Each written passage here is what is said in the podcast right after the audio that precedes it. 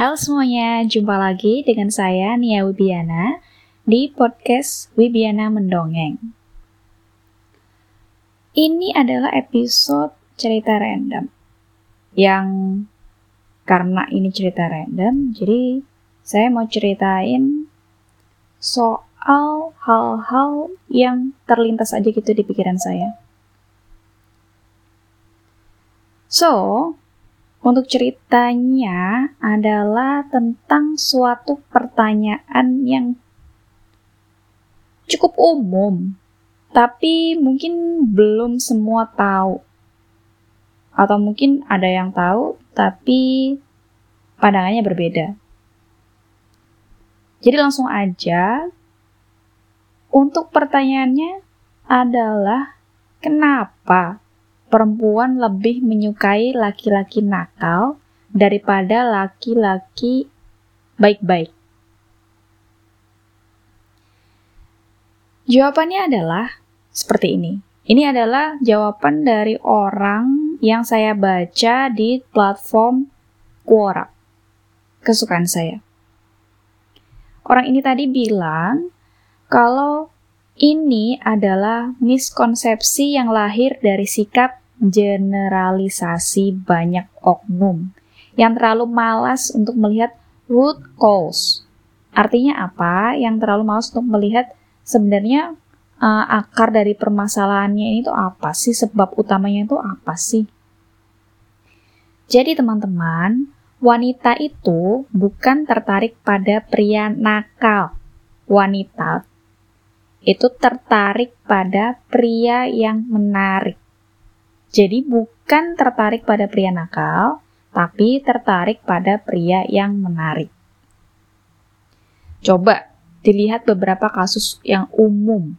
Satu, anak di kawasan suburban yang menjadi cabe-cabean itu tertarik dengan anak nakal yang balap liar pakai sepeda motor ban cacing. Yang kedua, cewek alter Twitter yang dimanfaatkan sama laki-laki Twitter diajak minum, terus masuk kamar, terus dicampakkan. Tiga, selebgram yang pacaran dengan cowok yang berdandan hype beast gitu, terus diajak one night stand, terus ditinggalin. Atau empat, anak baik-baik yang menikah dengan anak nakal SMA. Menikah muda karena MBA. Dari keempat kasus di atas tadi itu, semuanya punya root cause yang sama, cowoknya menarik.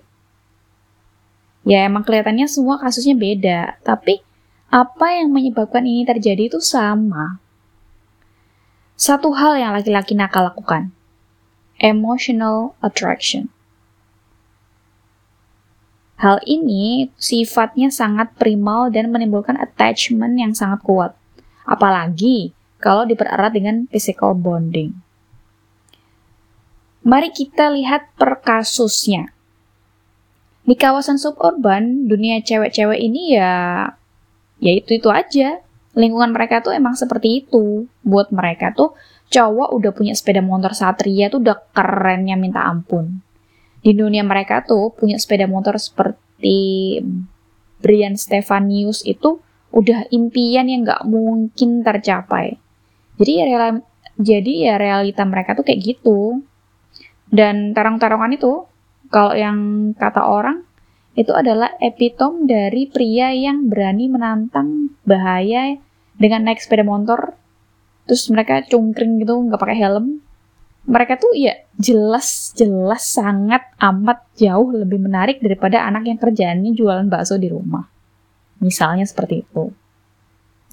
Terus, untuk yang cewek alter Twitter tadi yang terus dia uh, berakhir dikerjain sama cowok altar juga. Jadi mereka tuh beranggapan bahwa sebagai altar, uh, bahwa altar itu itu sebagai tempat di mana mereka bisa mengekspresikan dirinya dari hal-hal yang terlarang di dunia maya. Jadi misalkan nih seks itu yang dipandang tabu di masyarakat dan dieksekusi oleh seorang cowok yang terlihat berani menyatakan apa yang dia mau itu apa nggak jadi menarik? Ya kan?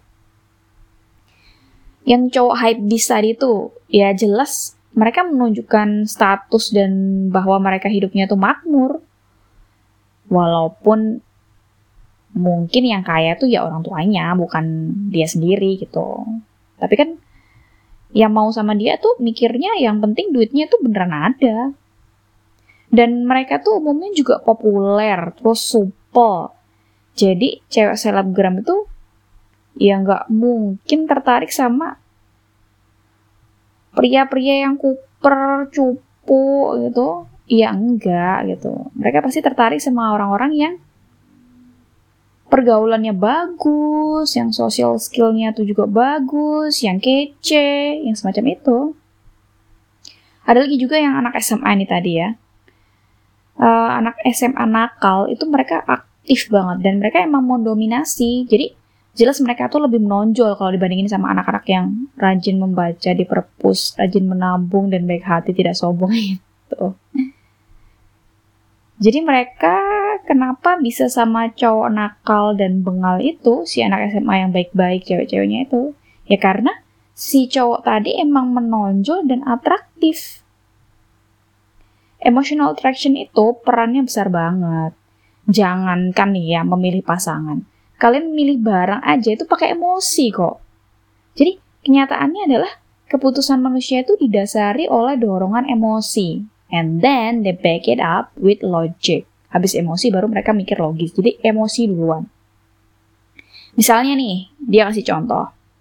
Um, kalian gak suka sama seseorang di Quora itu karena pendapatnya misalkan berseberangan sama kalian.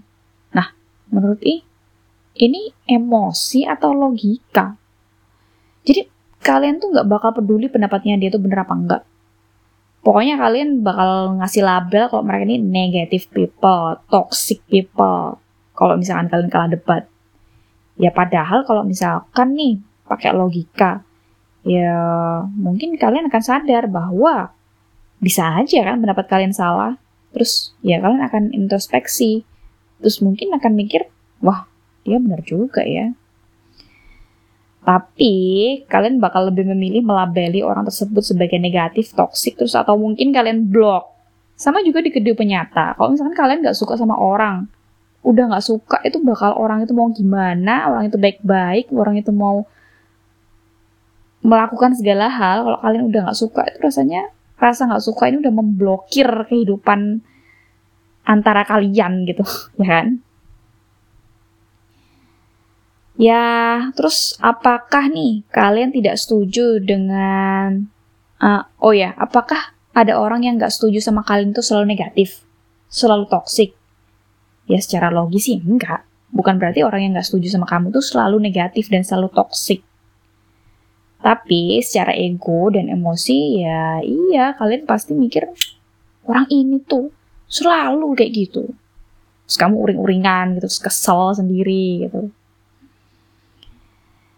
Ya, balik lagi ke cerita utama nih ya. Kalau pakai logika, yang dibilang pria baik-baik itu emang sering kali bentuknya tuh ya agak sopan, terus diem, nggak terlalu banyak tingkah, lurus-lurus aja hidupnya. Jadi kalau kalian ngeliat tuh ibaratnya orang-orang agak cupu-cupu gitu kan, terus kalau secara um, secara gimana ya kalau kalian ngeliat gitu bakal kayak ya mungkin kurang menarik gitu. Apalagi kalau chat bilangnya kayak gini. Hai, udah makan belum? Uh, jangan lupa makan ya, ntar sakit. Uh, besok kuliah jam berapa? Udah salam mama papa belum? Aku tuh khawatir kalau kamu belum ngerjain PR. Ya kale. Jadi ya, Sesuai tadi yang awal dibilangin, wanita itu bukan menyukai pria nakal, tapi wanita itu menyukai pria menarik. Mani, wanita itu ya manusia dan akan tertarik pada pria yang punya substance dan kehidupan yang menarik. Makanya nih, yang kemarin lagi uh, hits banget tuh si Pangeran Matin yang terkenal dan digandrungi wanita itu ini dia ya yang ngasih contoh kayak gitu bukan saya saya sendiri juga nggak terlalu paham ini dia siapa Um, si pangeran ini tadi tuh dia punya kehidupan yang menarik. Terus kalau misalkan ngobrol sama orang itu udah nggak kayak udah makan belum. Tapi jadi lebih banyak hal-hal yang menarik dan banyak variabelnya gitu. Topik-topik pembicaraannya. Terus si orang ini tadi juga bilang, satu hal yang selalu saya tekankan pada teman pria saya yang bertanya, kok saya nggak dapet dapet pacar sih? Itu adalah lihat deh di cermin. Apa kamu mau kencan sama pria yang kayak kamu? Dia bilang kayak gitu. Terus dia ngasih note yang bilang bahwa mereka yang cerdas nanti wanita nempel kalau dia udah kaya mereka punya inner beauty versi cowok alias self claim for being gentleman biasanya nggak sadar kalau mereka itu socially awkward terus dia juga bilang kalau hal ini berlaku sebaliknya kalau pendapat saya sih iya emang jadi pasti kita mungkin karena kita lebih ke makhluk emosi dan makhluk visual, kita akan mengedepankan hal itu. Secara tidak sadar, itu keputusan yang kita buat secara alam bawah sadar itu, ya kalau misalkan kita ngelihat, ya nggak kita langsung ngelihat orang yang cupu-cupu itu tadi kan, pasti ingat, wah ini ganteng banget, atau ih orang ini cool banget sih, ini orang ini gimana sih, pasti yang menarik-menarik dulu, yang kita ngeliat tuh ya ada benernya juga sih yang dia bilang. Jadi bukan berarti kita tuh suka sama orang yang nakal. Tapi kita ya cenderung suka sama yang menarik gitu ini sekedar insight aja ya buat kalian karena menurut saya supaya orang-orang itu nggak asal mengeneralisasi. Kenapa sih orang-orang suka cowok nakal? Atau kenapa sih cowok-cowok suka cewek yang nakal? Image nakal ini tuh loh, yang nggak benar gitu. Ya mereka suka sama hal-hal yang menarik. Hal-hal yang memicu mereka untuk notice gitu. Ya, sekali lagi bukan kita suka sama hal-hal yang berbau nakal, negatif atau apa enggak, tapi yang menarik. Makanya nih, kayak berita gitu kan. Berita itu selalu judulnya uh, headline-nya itu dibuat segimanapun yang catchy, yang menarik. Karena kalau nggak menarik ya orang nggak tertarik dong, nggak akan baca berita itu. Bahkan nih kadang-kadang beberapa portal berita itu ngasih judul yang wow banget, bombastis, viral, bla bla bla. Yang sebenarnya isinya kadang-kadang nggak ada hubungannya sama judulnya. Ya kayak clickbait gitu. Karena mereka tahu gimana cara kerja otak manusia, gimana cara kerja emosi manusia. Gitu, makanya mereka bikin yang menarik supaya orang-orang tertarik. Lah kalau misalkan packagingnya aja itu udah nggak menarik, gimana caranya orang mau tertarik, ya kan? Secara logis itu kayak gitu. Oke, cerita random kali ini soal itu aja cukup. Untuk cerita-cerita yang lainnya bakal seperti apa, kita lihat di episode selanjutnya ya. Besok. Makasih udah dengerin dan sampai jumpa di episode yang selanjutnya. Bye.